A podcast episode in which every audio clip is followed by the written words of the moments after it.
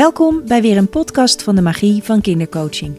Een inspirerende talk met en voor kindercoaches. We delen onze persoonlijke verhalen en nemen je mee in de wereld van kindercoaching.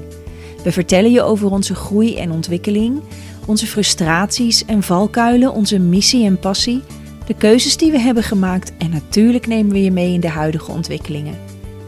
Kindercoaching is een beroep waarin je niet alleen kinderen coacht, maar ook hun opvoeders meeneemt in een persoonlijk coachproces. Een duurzame manier van begeleiding en zorg voor het welzijn van kinderen en ouders, maar ook voor onze toekomst. Want de kinderen van nu zijn de volwassenen over 30 jaar en nemen dan beslissingen voor onze samenleving.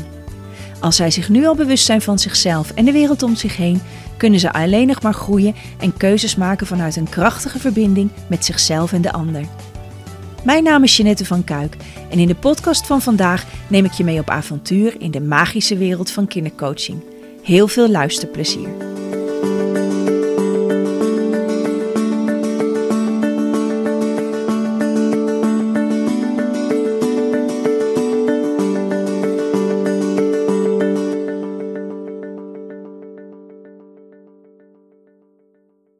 Vandaag zit ik eigenlijk in een hele bijzondere setting. Ik ben namelijk de gast bij Gerdien uh, Jansen in Huizen. En, uh, maar ook hier aan tafel zit Marlies van der Hout. En we zijn eigenlijk alle drie vrouwen met een missie, vrouwen ook met een passie. En uh, al pratend met z'n drie hebben we besloten, we gaan gewoon eens met elkaar in gesprek. Wat drijft ons? Wat heeft gemaakt dat we die stappen zijn gaan nemen? Maar ik ben eigenlijk gewoon even kort ook wel benieuwd. Vertellen jullie iets over jezelf? Gedien, vertel. Vertel. Nou, allereerst dank je wel dat ik hier uh, met jou mooi in gesprek mag. Met jou en Marlies. Heel inspirerend. Wie ik ben? Nou, ik ben Gerdien, Gerdien Jansen. Ik ben dochter van Gerrit Jansen, bioloog. En Carla Jansen Schimmel. Haar vader heeft altijd gewerkt op um, Radio Kootwijk, midden in de natuur als boswachter. Dus je voelt hem al een beetje. Een bioloog en een opa met zo'n link. Natuur is wel wat mij drijft, maar kinderen en alles wat daarbij hoort nog veel meer. Ik heb 21 jaar in het onderwijs gewerkt, in alle facetten, alle groepen, 1 tot en met 8, intern begeleider geweest. Ik ben ook, eh, nadat ik de opleiding adjunct-directeur deed, in het managementteam van verschillende scholen aan het werk geweest. In ja, het is, dat onderwijs zit in mijn bloed, maar de kinderen zaten in mijn bloed. En uh, Marlies en Jeanette, op een gegeven moment uh, zag ik eigenlijk dat het hele toets, de toetscultuur in het onderwijs, die maakte niet alleen de kinderen soms diep ongelukkig, maar mij ook. En besloot ik om daarmee te stoppen. Hmm. En heb ik mijn hart verloren aan dit prachtige vak van kindercoaching. Ja, en voordat we daarover gaan praten, wil ik ook eigenlijk even... Marlies, zou jij jezelf ook even voor willen stellen? Ja, ik ben Marlies, Marlies van der Hout. Hartstikke leuk, uh, Jeannette, uh, deze overval in één keer uh, met z'n drieën in gesprek. Helemaal tof. Um, ik uh, ben kindercoach, maar tegenwoordig ook vooral kindercoach-coach. Ik begeleid kindercoaches bij het neerzetten van de kindercoachpraktijk. En um, ja, wat kan ik verder over mezelf zeggen? Ik heb eigenlijk altijd als kind met kinderen willen werken. Wilde alleen niet in het onderwijs.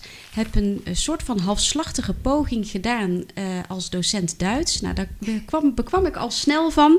Ik vond de kinderen geweldig. Ik vond het lesgeven niks. Ik vond vooral het, de, de, de, de gesprekken met hun die echt ergens over gingen. Daar liep ik warm uh, voor. En uh, nou ja, pas heel veel jaren later, met allerlei omzwermingen, heb ik op een gegeven moment per ongeluk van het vak kindercoach gehoord. Dat was in 2009, dus dat was helemaal aan het begin. En uh, ja, zo ben ik daar uiteindelijk uh, ingerold. Ja. Ja, en dan ook even voor mij, want ik merk ineens, ja, we zijn wel alle drie dus onderwijsdieren. Een soort van, hè, jij hebt dan als docent Duits een stap erin gedaan. Ik kom ook uit dat basisonderwijs. Ik liep ook vast in dat systeem. Ik voelde ook dat ik iets anders moest doen, dat ik mijn hart moet volgen. En ik heb mijn neus dichtgeknepen, ik ben overboord gesprongen en ik noemde mezelf kindercoach. Vraag me niet waarom. En dat was ergens in begin 2000, 2002, 2003 dat ik dat uh, definitief gedaan heb. Dus die zin hebben we wel allemaal uh, kennis gemaakt met een vak wat ook nieuw was. Want jullie zaten ook volgens mij helemaal aan de beginfase van ons vak. Ja, als ik daar iets over mag zeggen, inderdaad, Jeanette. Ik weet niet hoe dat bij jullie was, maar toen ik naar de Kamer van Koophandel ging, bijna tien jaar geleden, toen wisten ze eigenlijk niet zo goed waar ze dit vak eh, onder moesten wegschrijven. Ah joh, dat weten ze nog steeds niet. Nee, die ervaring die hoor ik terug, ja. Hmm. Dus, nou ja, jij Jeanette, met al jouw ervaring, jij nog ook iets langer. Maar we zijn toch met z'n allen, hebben al heel wat jaar pionierswerk eh, erop zitten volgens mij. Absoluut. Ik, ik denk dat wij ons wel pioniers van dit vak ook kunnen noemen. En Marlies, jij vooral ook op een heel ander stuk, een ander segment van dit vak. Want jij hebt nog weer andere stappen erin gemaakt. Ja, ja, dat kwam eigenlijk omdat ik... ehm, nee, ik vertelde het daar straks al eventjes. Toen ik de kindercoachopleiding deed, startten we met twintig eh, vrouwen. En we waren allemaal even enthousiast, even gepassioneerd. En aan het eind van eh, die opleiding waren we ineens... eh, ja, hadden we een nieuw vak. Kindercoach waren we. Ehm, en uiteindelijk is er maar, nou, ik denk max vijf van de twintig zijn ook daadwerkelijk een praktijk gestart. En ik kan me nog heel goed herinneren dat we die eindpresentatie hadden. Dat, ehm, ja, ik stond te popelen. Ik kon niet wachten gewoon om te beginnen. En ik hoorde alleen maar om me heen van nee, het is nog te vroeg. Ehm, ik durf nog niet. Eh, moet ik niet nog een stuk opleiding doen? Dus ik leek een beetje een eenzame in dat willen starten van, eh, van de praktijk. Dus daar is toen bij mij al een zaadje geplant. Want ik kon, ja, ik kon dat gewoon niet verdragen. Als ik hoorde hoe, hoe vrouwen die zo gepassioneerd aan die opleiding waren begonnen, uiteindelijk niet de stap durfden te zetten. En ehm, nou, ik zal niet beweren dat ik binnen vijf maanden een eh, praktijk met eh, wachtlijsten had. Ik had ook mijn aanlooptijd nodig, maar het lukte me wel. En, eh, ja, en zo kreeg ik eigenlijk van lieverlee vragen van anderen. Ja, maar hoe doe jij dat dan? Hoe heb je dat voor elkaar gekregen? En dat heeft gemaakt dat ik op een gegeven moment kindercoaches ben gaan begeleiden. Juist bij dat opzetten van die praktijk. Ja. En dat is nog wat ik, ja, wat ik nu gewoon echt het aller, allerliefste doe. Ik heb acht jaar die kindercoachpraktijk gedraaid. Maar op een gegeven moment, twee dingen naast elkaar ging niet meer. De overstap gemaakt volledig naar het eh, coachen van de kindercoaches. En ik hoop gewoon dat die, die cijfers omhoog gaan. Dat van al die kindercoaches die een opleiding starten... dat ze ook daadwerkelijk die praktijk van de grond gaan krijgen. Ja, absoluut. Ja, hey, en jij? Ja, en ook Marlies en Jeanette, dat ze stoppen om te zeggen dat ze een bedrijfje hebben in Oh, ja. kindercoaching. Oh ja. Volgens mij begint daar eh, de allereerste stap inderdaad mee. Dat je jezelf daarin serieus durft te nemen. Ja. Maar hoe hebben wij dat gedaan? Ja, hoe ik, zijn wij dat gaan doen? ja ik, ik, ik ben begonnen samen met twee collega's. Ah ja. En toen zijn we met z'n drietjes hebben we dat plan opgevat om dus iets te gaan doen rondom het begeleiden en ondersteunen van kinderen die het moeilijk hebben op een, in een bepaalde periode. En vooral ook daar de ouders bij. Toen hadden we al het, het lumineuze inzicht dat het niet alleen eh, bij de kinderen is te, te vinden en te ondersteunen, maar dat je vooral ook bij die ouders moet zijn. Dat zouden we gaan doen met z'n drietjes, waarbij we een verdeling hadden gemaakt. Eén van de drie die zou het grote overzicht bewaren. Eén van deze drie die zou het, het stuk met de ouders oppakken. En ik zou dan het stuk met die kinderen op gaan pakken. Nou, één viel redelijk snel af, omdat het in de thuissituatie niet ging lukken. Dus we waren nog met z'n tweeën.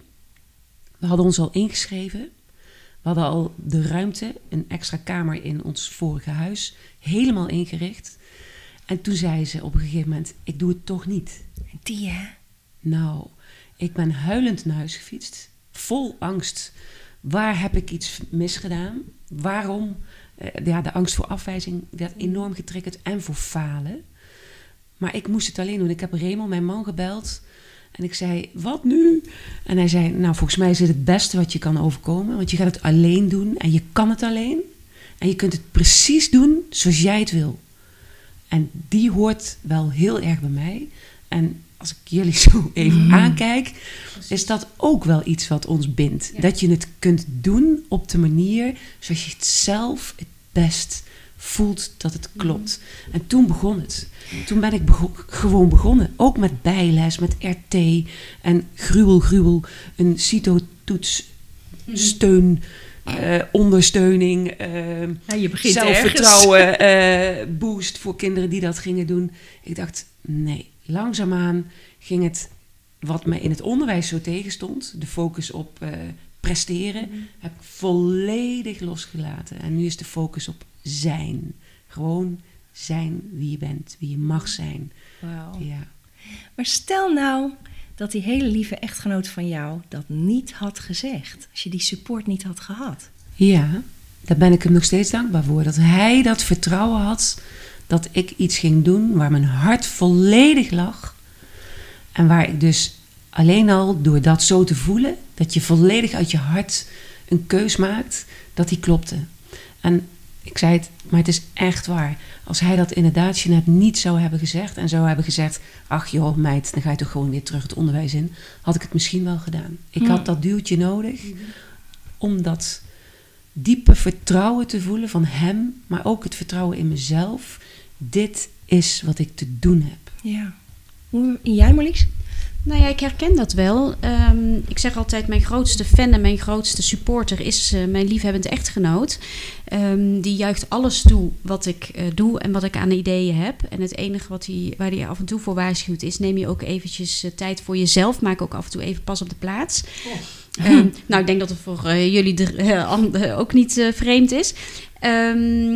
Maar ik, ik geloof ook echt dat je op het moment dat je je eigen praktijk start, of het nou een praktijk is of een ander soort bedrijf, hè, maar we hebben het nu hier over de kindercoachpraktijk, dan even heel lullig gezegd, je bent zelf de grootste saboteur van je eigen succes. Ah ja, joh. Hè, dus je, je, je bent bang dat je dit verkeerd doet, dat die kinderen er misschien nog slechter uitkomen dan ze waren toen ze bij je werden aangemeld, dat je misschien niet goed genoeg bent, of uh, dat het allemaal gewoon niet gaat lukken. Um, dat betekent dat je, een, ja, dat je echt support nodig hebt van iemand die blind in je gelooft. En uh, helaas zie ik best wel vaak dat een partner daar niet altijd zo even hard in gelooft als dat je nodig hebt. Ja. Um, de, dus als dat wel zo is, als je partner echt jouw supporter is, ja, dan, dan heb je een enorme, enorme uh, steun. En um, ja, ik kan niet anders zeggen dan, uh, dat, dat is een hele belangrijke basis voor succes. Nog even los van dat je natuurlijk zelf aan je gedoe hebt te werken. Als ja. je jezelf tegen zit. Maar die support is echt wel heel erg belangrijk. Ja, en ook dat was bij mij zo. Het was wel met mijn, uh, mijn vorige echtgenoot. Met, uh, en hij, um, ja, hij vertrouwde ook blind, geloofde blind in mij, steunde me in alles. Terwijl juist mijn familie, die waren wat voorzichtig. Zou je dat nou wel doen? Weet je nou wel zeker dat dit is? Joh, maar heb je een vaste baan, dan weet je wat je hebt. En dan weet je waar je aan toe bent. En het is toch wel een groot risico. En dus waar ik nodig had dat ook mijn familie trots op mij was, het rende die me. Maar ja, ik ben ook echt wel... Um, mijn meisjesnaam is Stam en dat is echt zo'n stammetjestrekje. Zo van, ja, kan me niet schelen, maakt me niet uit. Ik doe het lekker toch. En ook dat innerlijk stuk in mij heeft me er ook wel mee geholpen. Dus het is niet alleen mijn, mijn, mijn toenmalige echtgenoot en ook mijn huidige echtgenoot, die, die, ach man, we doen heel veel dingen nu samen. Um, maar dat is fijn, die steun, maar er moet ook iets nog in, in jezelf zitten als een soort, uh, ja. Heel mooi wat je zegt. Want um, ik vertelde net al dat mijn vader bioloog is. Hij heeft jarenlang op de MAVO in Arnhem-Zuid uh, lesgegeven. En nam op een gegeven moment ontslag. Hij ging doen wat zijn hart hem ingaf. Hij ging schrijven in de krant over de, de natuur. Dat doet hij al 30 jaar, iedere week. En hij heeft, naar aanleiding van uh, de vele lezers, is hij toen workshops en uh, reizen gaan organiseren. Ja. Uh, in de natuur met mensen die hij wilde laten ervaren hoe het is om je te verwonderen. Nou, heel inspirerend. Maar hij stopte. Ik was, hij was, denk ik, begin 50. En hij nam zomaar ontslag. Mm. En toen kwam ik. En toen zei ik tegen mijn ouders: Ik zei, papa, mam, ik neem ontslag. Ik ga volledig mijn hele hart volgen in dat kindercoachstuk. Iets jonger als 50? Iets jonger was ik. Maar het eerste wat hij zei, zou je dat wel doen? Ja. Echt exact wat jij vertelt, Jeanette. Terwijl hij mijn voorbeeld was. Ja. Hij deed wat hij te doen had. Ja. En ik dacht, ik volg hem. En hij zegt meteen, wauw, Gedien, dat heb ik ook gedaan. Wat goed dat je dat doet. Maar de angst uit liefde voor je kind, zou dat allemaal lukken? Is er voldoende inkomsten? Al die saboteurs waar jij het net over had, Marlies die kwamen ook bij hem uh, om de hoek kijken. Dus ik, ik ging er naartoe. Ik dacht, nou, nu gaat hij zeggen van... wow, wat goed dat je hetzelfde doet als wat ik gedaan heb. Uh -uh. Hij was echt angstig en bezorgd. Maar nu weet hij ook dat het goed is. En mijn ja. moeder wist dat sowieso altijd al wel. Maar hij had daarin nog een drempel te gaan. En jij, Marlies? Nou ja, die, die herken ik wel. Um, als we het nou over uh, je ouders uh, hebben. Mijn uh, vader die heeft zijn hele leven in het onderwijs gezeten. Dus ja, de eerste stappen van zijn loopbaan in het onderwijs. En hij is er pas uitgegaan toen hij met pensioen ging. Maar hij heeft altijd gezegd, als we op vakantie waren, dan, dan, dan weet je, waren we in Oostenrijk of in Spanje of in Frankrijk. En dan stonden we op een camping, want we kampeerden altijd. En dan zei hij, oh, Jetje, tegen mijn moeder. Mijn moeder heet Mariette. Jetje, zullen we camping beginnen? Ja. En elk jaar weer kwam dat voorbij. En dan dacht ik altijd, ja, camping, ja, weet je, ik vond dat maar een raar idee en ik snapte dat niet. En, uh, maar later, toen ik dus mijn eigen stappen in uh, zelfstandigheid ging zetten, als zelfstandig ondernemer, toen realiseerde ik me, maar hij heeft dat altijd gewild. Hij zag altijd overal kansen. Hij heeft, heeft ook allerlei ja, dingetjes gedaan uh, voor het onderwijs als zelfstandige. Maar hij heeft nooit, ja, hij is altijd, altijd de onderwijzer gebleven. En, dus ik heb hem toen wel eens gevraagd: van, was jij, had je nou die camping echt gewild? En zei hij, nee, dat was maar een jongensdroom. En dat vond ik zo jammer om te horen, want hij zei het elk jaar. Ja. Dus het is iets wat. En hij kan er nog steeds heel gelukkig van worden. Dus ik vind dat ergens wel heel jammer dat hij die stap nooit heeft gezet. Um, en ik denk gewoon hè, uit zorgen voor het gezin. En uh, weet je, ja, dat is echt een andere generatie natuurlijk. Dus ik snap hem heel goed, maar ik vind het wel jammer. En toen ik inderdaad zelfstandig uh, werd, toen vond hij dat uh, aan de ene kant heel stoer en heel gaaf voor me. Maar hij heeft wel jarenlang nog gezegd van... oh, misschien moet je het erbij blijven doen als hobby. Ja, als hobby. Als hobby. Ja. En dat vond ik... Uh, weet je, en ik snapte het. Ik snap waar dat vandaan kwam. Um, maar ik vond dat zo erg om te horen. En wat er bij mij gebeurde... ja, een beetje misschien uh, vergelijkbaar bij jou, Gerdien. Ik dacht, ja, potverdikke me... Uh, hobby, dat gaan we niet doen. Ik ben hartstikke serieus bezig. Dit is gewoon een serieus bedrijf. Dus daar ben ik wel harder door gaan werken om te bewijzen dat het echt wel kon. Ja. Dus hij heeft me daar in zekere zin ook een dienst mee bewezen. Um, maar ik ben de eerste om toe te geven, en dat zie ik natuurlijk ook heel veel bij klanten gebeuren, dat het best lastig is om daar tegen op te boksen. Als mensen uit liefde, zoals jij zegt, Gedien, ja. je proberen te behoeden voor fouten. Um, en je op al die onzekerheden wijzen, ja, weet je, dan moet je stevig in je schoenen staan. Wil je daar tegen opgewassen zijn? Absoluut. Ja, en heel diep van binnen voelen dat, dat het klopt wat je gaat doen. En dat, dat vraagt enorm vertrouwen. Ja. Ja, en niet alleen vertrouwen, maar jij zei het dan net al, dat, je, dat het belangrijk is dat je precies weet wat je wil. En dat je het doet op de manier zoals het voor jou goed is. En wat ik denk ik, wat wel veel gebeurt in de kindercoachwereld, is we hebben een idee van ik wil een kindercoachpraktijk. Maar die droom van die kindercoachpraktijk is nooit heel concreet gemaakt. dan is het een idee van ik wil graag met kinderen werken, ik wil zelfstandig zijn, ik wil vrijheid hebben, ik wil uit het onderwijs. En dan ontstaat dat idee van een kindercoachpraktijk zonder dat er een, een, het echt concreet wordt uitgewerkt. Dan wordt er gekeken hoe anderen dat doen. Dan ga je het ook zo proberen. Maar dan gaat het mis. Want dan doe je eigenlijk een kunstje. Je doet het na. En het mag authentiek zijn. Precies vanuit je eigen hart. Precies. Ja, ik vind nou, helemaal. Het is ook wat we, daar hadden we het in het voorgesprek al even over, van um, eigenlijk ons onderwijssysteem en um, Tel Koendering die vertelt eigenlijk heel mooi, is die leidt kinderen eigenlijk niet op voor hun toekomst.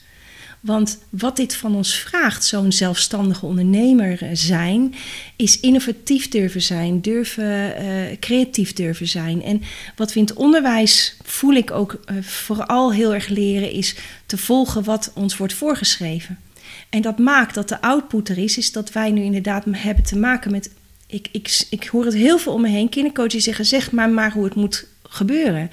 En Marlies, jij bent kindercoach-coach. Jij helpt kindercoaches in het opzetten van die praktijk. Maar waarschijnlijk, ik kan me niet anders voorstellen dan dat jij heel veel vragen krijgt van zeg mij even hoe ik het moet doen. Ja, precies. Ja, ja en dat antwoord zullen ze niet krijgen. Nee. Dat klinkt heel lullig.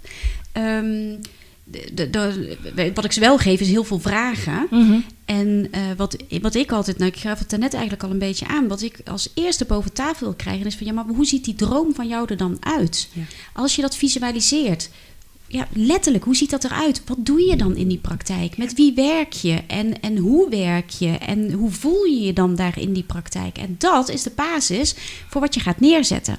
Kijk, en dat we dan vervolgens, dat ik um, even kort door de bocht een paar hele eenvoudige, maar wel heel goed werkende businessstrategieën aanleer, om dat dan ook daadwerkelijk voor elkaar te krijgen. Die heb je nodig. Dat kan Ja. niet anders. Maar Ja. in de basis is het, wat is mijn droom? Hoe ziet hij eruit? Hoe wil ik werken? Wat past bij mij? Eh, wat zijn de klanten waar ik het alle, alle, alle, alle blijste van word? En dat is je basis. Dat ga je uitwerken.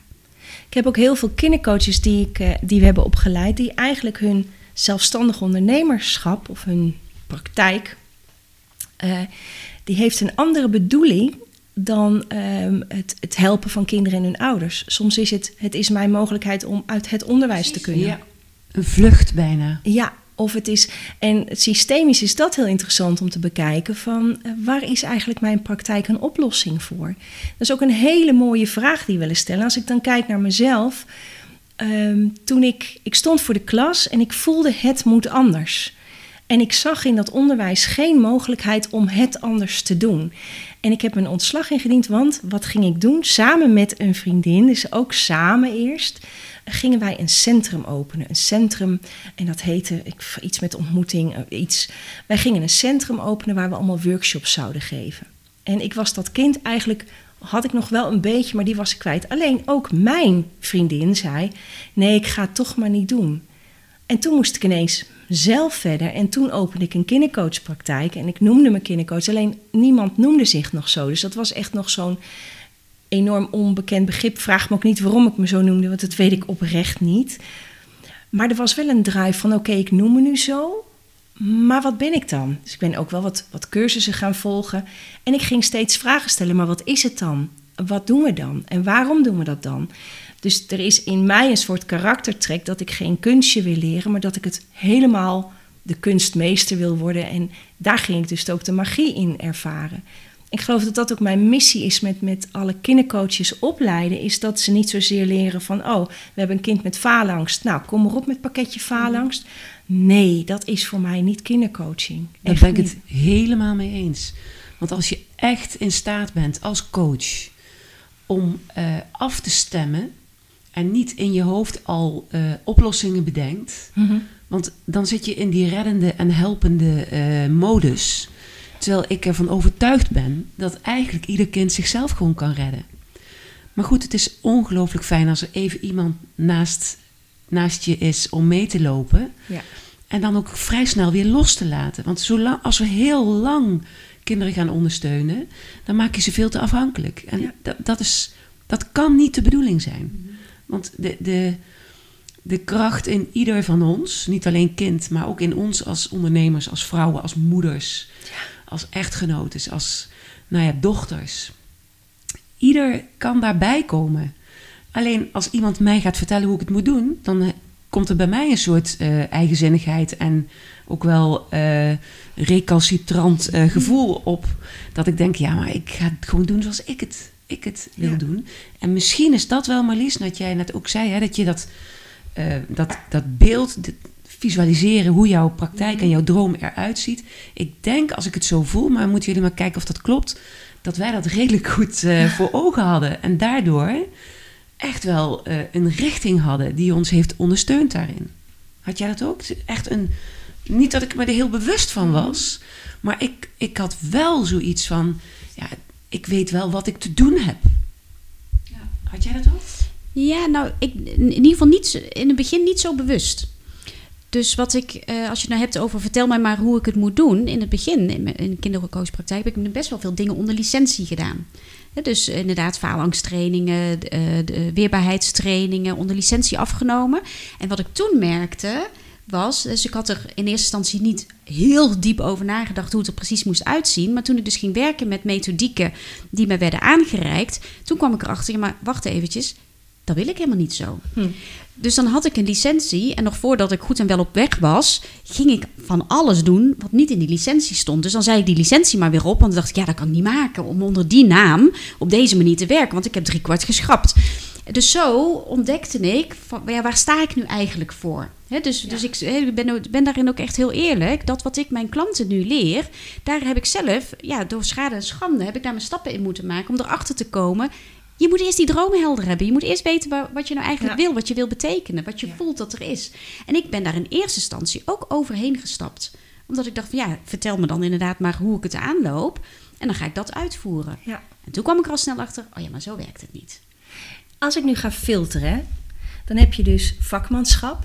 Hè, dus inhoudelijk een, een kind en de ouders, want dat is ook onze visie van kindercoaching, coaching van kind, papa en mama.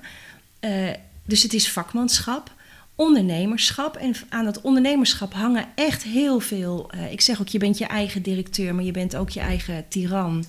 En je eigen leidinggevende en je eigen angsten. En je komt alles voor jezelf tegen. Je hebt een omgeving nodig die je support. Of in ieder geval één belangrijke persoon die onvoorwaardelijk in je gelooft.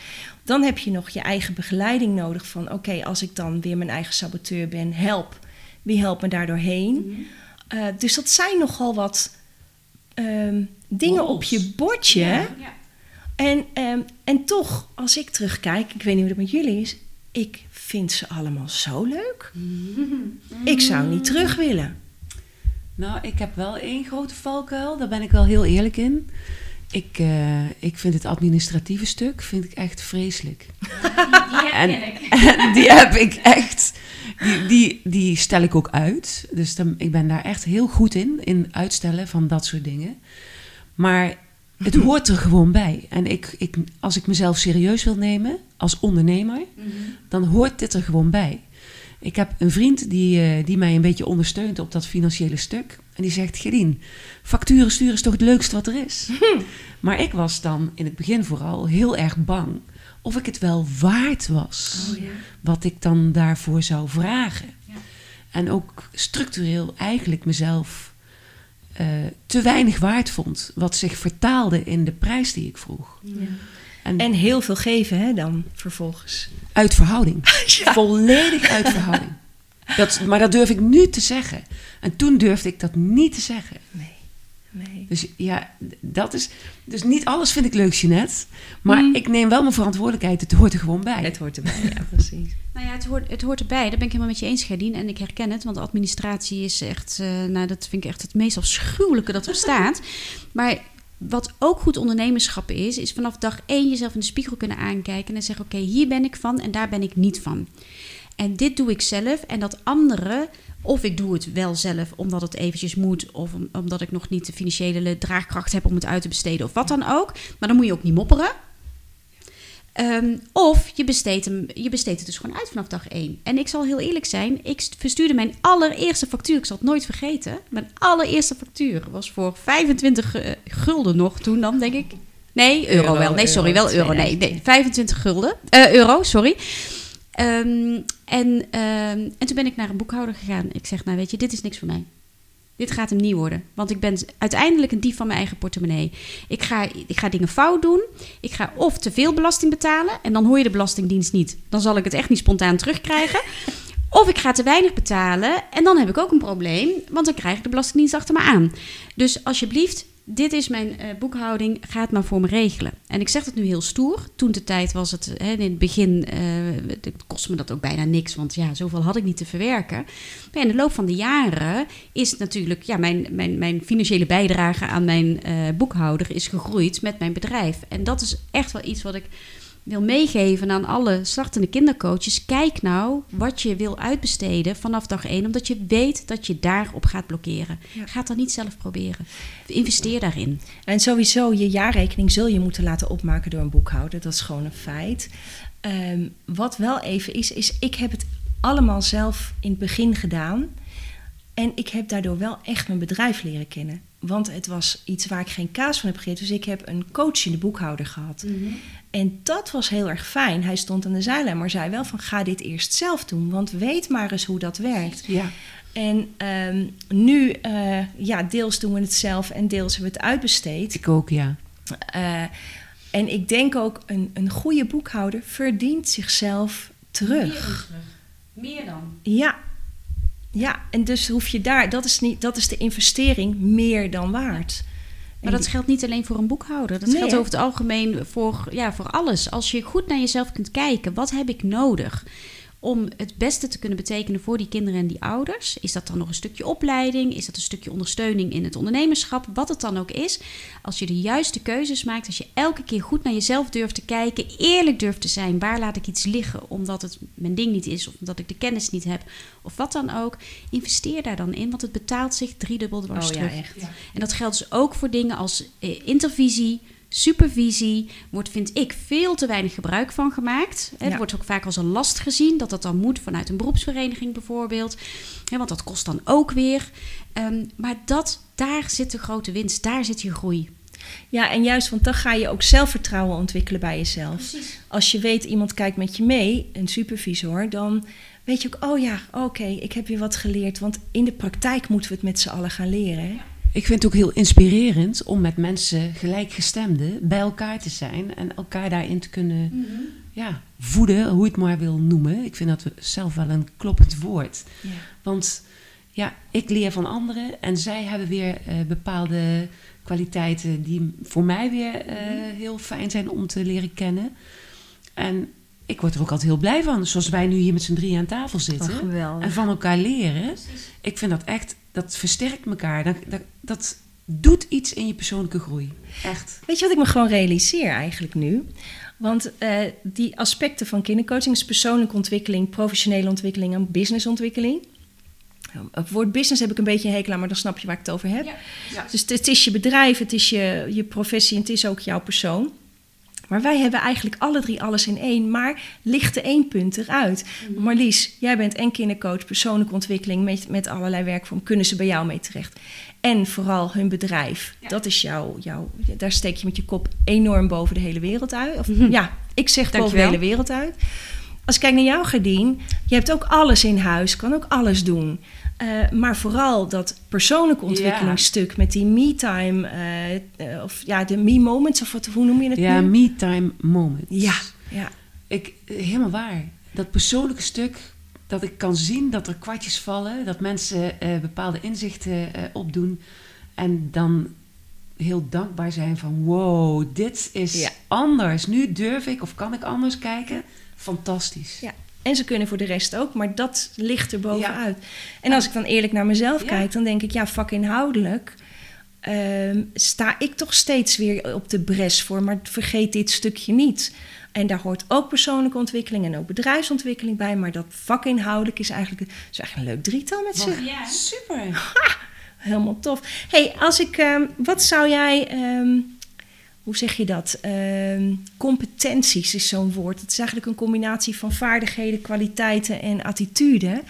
Ehm, een succesvolle kindercoach. Als jij kijkt naar jij, we zijn alle drie succesvol, mogen we echt voor, voor gaan staan. Wat zijn onze competenties die ons zo hebben, dat hebben gegeven? En bedoel je met ons, Jeanette, van jou, van Marlies en van Ja, mij? ja. Ja, wat ik zelf graag zeg tegen de mensen die, eh, die kindercoach eh, ambiëren te zijn, eh, dat er één vaardigheid is en die, die, die heet gewoon just be there. Durf er volledig te zijn, zonder oordeel, met je hart en je oren wijd open. Dus ergens is het een soort van aanwezig kunnen zijn in het moment, afstemmen op het kind en voelen wat er nodig is. Laat al je plannen en al je eh, materiaal voorlopig echt achterwege. Ga eerst er volledig zijn voor ouders en kind om te voelen wat er nodig is. Daarna komt pas de rest. Dat is mijn overtuiging. ja. En jij Marlies? Mooi. Nou ja, daar kan ik me alleen maar bij aansluiten. Ehm, maar dan kan ik natuurlijk ook niet laten om daar dan nog een business dingetje aan toe te voegen. Kijk, uiteindelijk kun je dat heel graag willen. Ehm, en ook neer kunnen zetten. Maar dan moet je jezelf wel aan de buitenwereld kenbaar maken. Dus het is ontzettend belangrijk dat je kunt volharden. Dat je, je, ehm, dat je kunt ehm, eh, teleurgesteld kunt zijn. Eh, ik zeg altijd sippy sippy mokkie mokkie kunt doen als het even tegenvalt. En vervolgens je, ja, en vervolgens jezelf een trap onder je bevallige achterste geven en zeggen van joh, en toch ga ik weer. Dus het is elke keer weer opstaan, elke keer weer. Want ondernemen valt gewoon tegen. Dat, weet je, dat is één ding wat je zeker weet als je je eigen praktijk start, is dat er momenten komen dat je heftig teleurgesteld bent. Oh, hou op. En daar Ja. moet je wel tegen opgewassen zijn. Dus volharding, de juiste mindset. Ja, en elke keer weer opstaan als het dus eh, even goed tegenvalt. elke keer weer jezelf bijeenrapen. Eventjes jezelf de ruimte geven om uh, teleurgesteld te zijn en dan weer door. En ik zeg dan altijd in die momenten, ik ga wel weer worst verkopen bij de HEMA. Dat oh ja, ik heb ook al heel vaak achter de kassa bij de Albert Heijn gezeten. Ja, Tuurlijk. precies. Ja, in gedachten. Ja, ik ook hoor. ja, En, uh, en als ik dan goed nadenk, heb ik heel veel gedaan aan mijn persoonlijke ontwikkeling. Um, steeds weer reflecteren op mezelf. Steeds weer kijken van um, wat zijn mijn, uh, de punten waar ik nog kan leren, waar ik me nog kan ontwikkelen. Dus ook een bereidheid om lerend te blijven. Nooit, ik wist het nooit. Ik wist het, dus ik moest altijd weer kijken naar. En dat ontwikkelen hoef ik niet per se weer een volledige opleiding. Soms, eh, ik heb één keer in de maand ga ik naar mijn eigen coach. Vind ik heerlijk. Ga ik steeds weer. En elke keer zoek ik toch wel weer inspiratie op, her en der. Uh, en dat is voor mij dus blijven groeien. En weet je, stilstand, dat is echt zo'n dooddoener, maar stilstand is achteruitgang. Dus als jij stilstaat in je persoonlijke ontwikkeling, dan gaat je bedrijf volgens mij ook niet groeien. Nee. En ik voel aan alles dat wanneer jij je persoonlijk blijft ontwikkelen, je valkuilen blijft herkennen en je op tijd kunt vangen, dat je daardoor een, een veel betere, nou ja, dat klinkt dan misschien niet helemaal uh, uh, zo fijn, maar, maar ik, ik heb zelf ervaren wanneer persoonlijke ontwikkeling echt volledig bewust bij mij binnenkwam, zo van wow, dan voelde ik mij een betere coach. Ja, Echt waar. Precies. Het, wat wel is, hè, want deze zin kan ik me bij voorstellen. Wij zijn alle drie namelijk knijterharde werkers. Mm dus die bereid het om steeds ochtends op te staan en weer dat verschil te willen maken. Ook omdat wij een soort visie in de toekomst hebben. Hè? Wij, het is niet zo dat we het voor onszelf doen, maar we doen het ook voor een stukje beter, voor een betere wereld, dat wat wij bij kunnen dragen. Dus het is ook heel veel met zingeving heeft het te maken. Maar wat bij mij stilstand is achteruitgang teweeg heeft gebracht, is dat ik dus niet stil durf te staan. En ik heb een nieuwe mantra nu, is in beweging doe ik ervaring op. Als ik even stilsta, doe ik daarover de inzichten op. Hmm. Dus dat is voor mij heel belangrijk geweest. Van blijven groeien is denk ik haast een must. Ja. Uh, blijven bewegen is een, een, een must. En blijven rusten en stilstaan en even reflecteren is ook een must. En weet je, dat is exact de cyclus van het leven. Ja. En ook van de natuur. Hm. Je ontstaat als het ware in de lente. Dan mag je gaan bloeien, dan mag je gaan oogsten. En dan mag je uitrusten en loslaten. En dan herhaalt zich dat proces weer. Net als die cyclus. Dus wat jij zegt in stilstand, de winterperiode zeg maar, ja. is ongelooflijk belangrijk. En we slaan hem allemaal. Dat is waar. Ik, dat is niet waar, wou ik zeggen. Hmm. Er zijn veel mensen, waaronder ik zelf ook. Ik ben ook in die valkuil gestapt.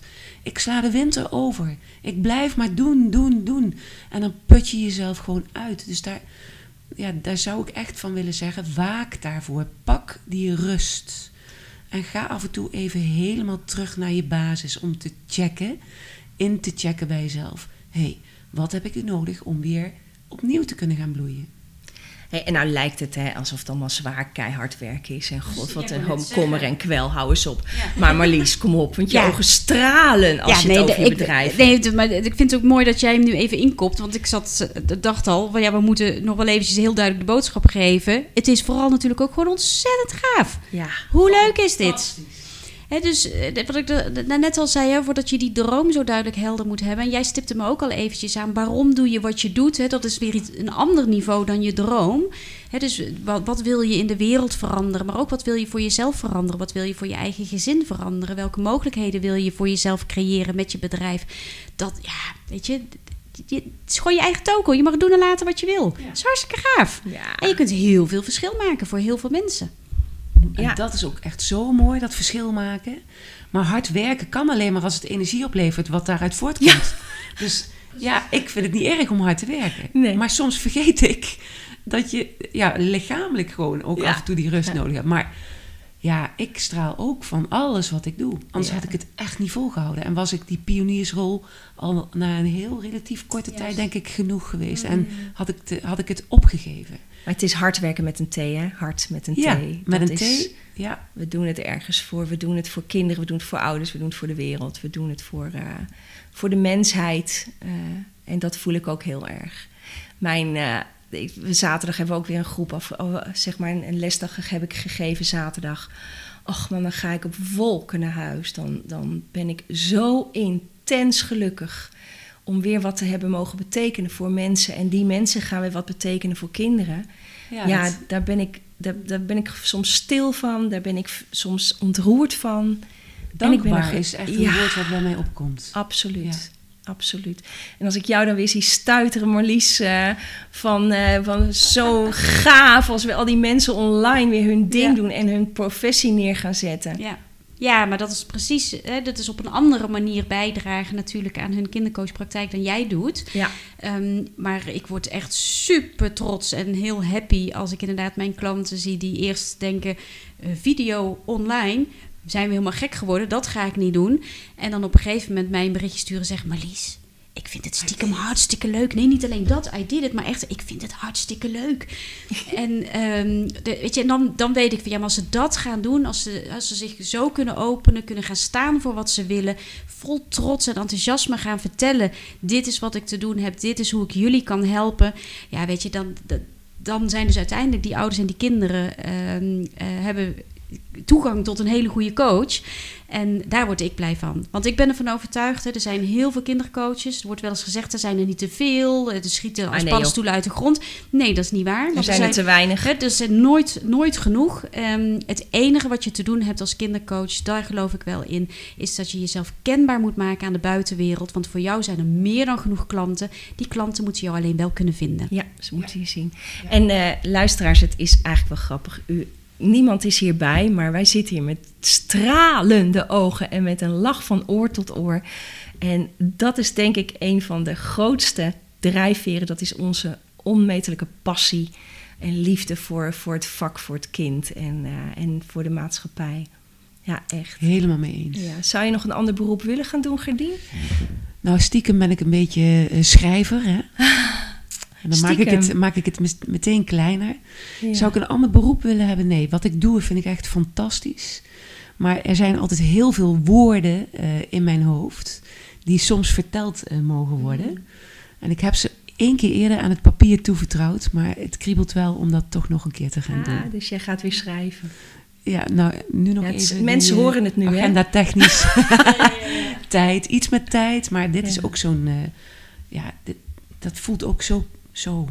En plannen. te doen. Ja, plannen om het te veel. te veel. Jullie kunnen ook of niet? Ja, maar ze kunnen in ieder geval met jou naar uh, Ameland, uh, wie dat wil.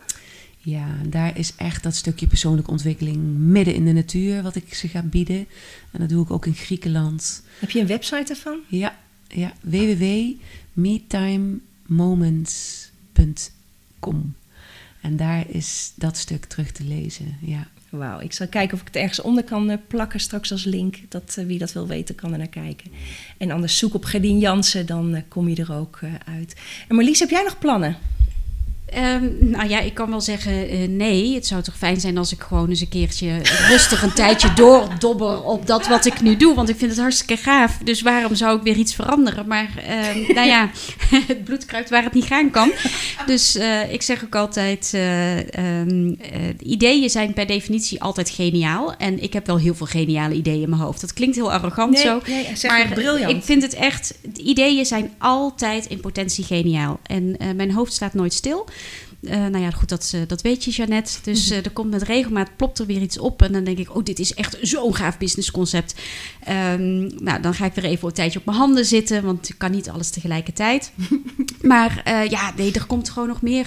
Maar wel, de, ik, ik kan me niet voorstellen dat ik een totaal andere business zou opzetten in één keer die niet draait om die kindercoach. Nee dat, is voor mij, dat staat voor mij als een paal boven water. Dat, daar word ik zo happy van. En uh, alle ideeën die ik heb, die liggen ook altijd in dat verlengde. Nou ja, jij zegt, ik ben een stiekeme schrijver. Er zit hier nog een stiekeme schrijver. En uh, daar, daar gaan gewoon nog hele mooie dingen komen, weet ik zeker. Ja, nou, deze podcast is voor mij zo'n idee wat ik veel meer wil gaan doen. Ik vind het echt heel leuk met z'n drieën. Het vraagt, uh, vraagt om meer. Uh, en natuurlijk, ik heb ook allemaal nog plannen, ideeën genoeg. Ook om nu het onderwijs toch nog meer te gaan betrekken bij kindercoaching. Ik mag weer af en toe met één been in het onderwijs staan en met kinderen werken daar. En ja, ik heb daar wel wat gevoeld, waardoor de ideeën ook uh, echt opploppen, opploppen, opploppen. Dus uh, ja, ook hier gaat nog heel veel gebeuren. Wordt vervolgd. Ja, zeker met ons alle drie. Lieve schatten, dank jullie wel voor dit hele leuke gesprek. Uh, en Marlies, nog even jouw website. www.jouwsuccespraktijk.nl nou, en van ons is het natuurlijk www.magievankindercoaching.nl voor wie daar nieuwsgierig naar is. Lieve dames, dank jullie wel voor dit gesprek. En uh, wij spreken elkaar gauw weer. Wij gaan nog even gezellig nakletsen. En voor wie nu luistert, nog een hele fijne dag. Dit was de podcast weer voor vandaag. Ik hoop dat je er met plezier naar hebt geluisterd en dat je er iets aan hebt gehad. Wanneer je meer wilt weten over mijn werk of de opleidingen, kun je kijken op de website. We hebben er twee. Op www.magievankindercoaching.nl vind je alles over de opleidingen kindercoaching. En op www.acasia-coach-academie.nl vind je nog meer leuke producten. Zoals persoonlijke coaching, kindercoachcoaching, mentoring, natuurcoaching en ouderavonden of lezingen. En mocht je iemand weten die deze podcast misschien ook interessant vindt, attendeer hem of haar er dan op. En volgende week heb ik weer een nieuwe podcast, dus wie weet tot volgende week.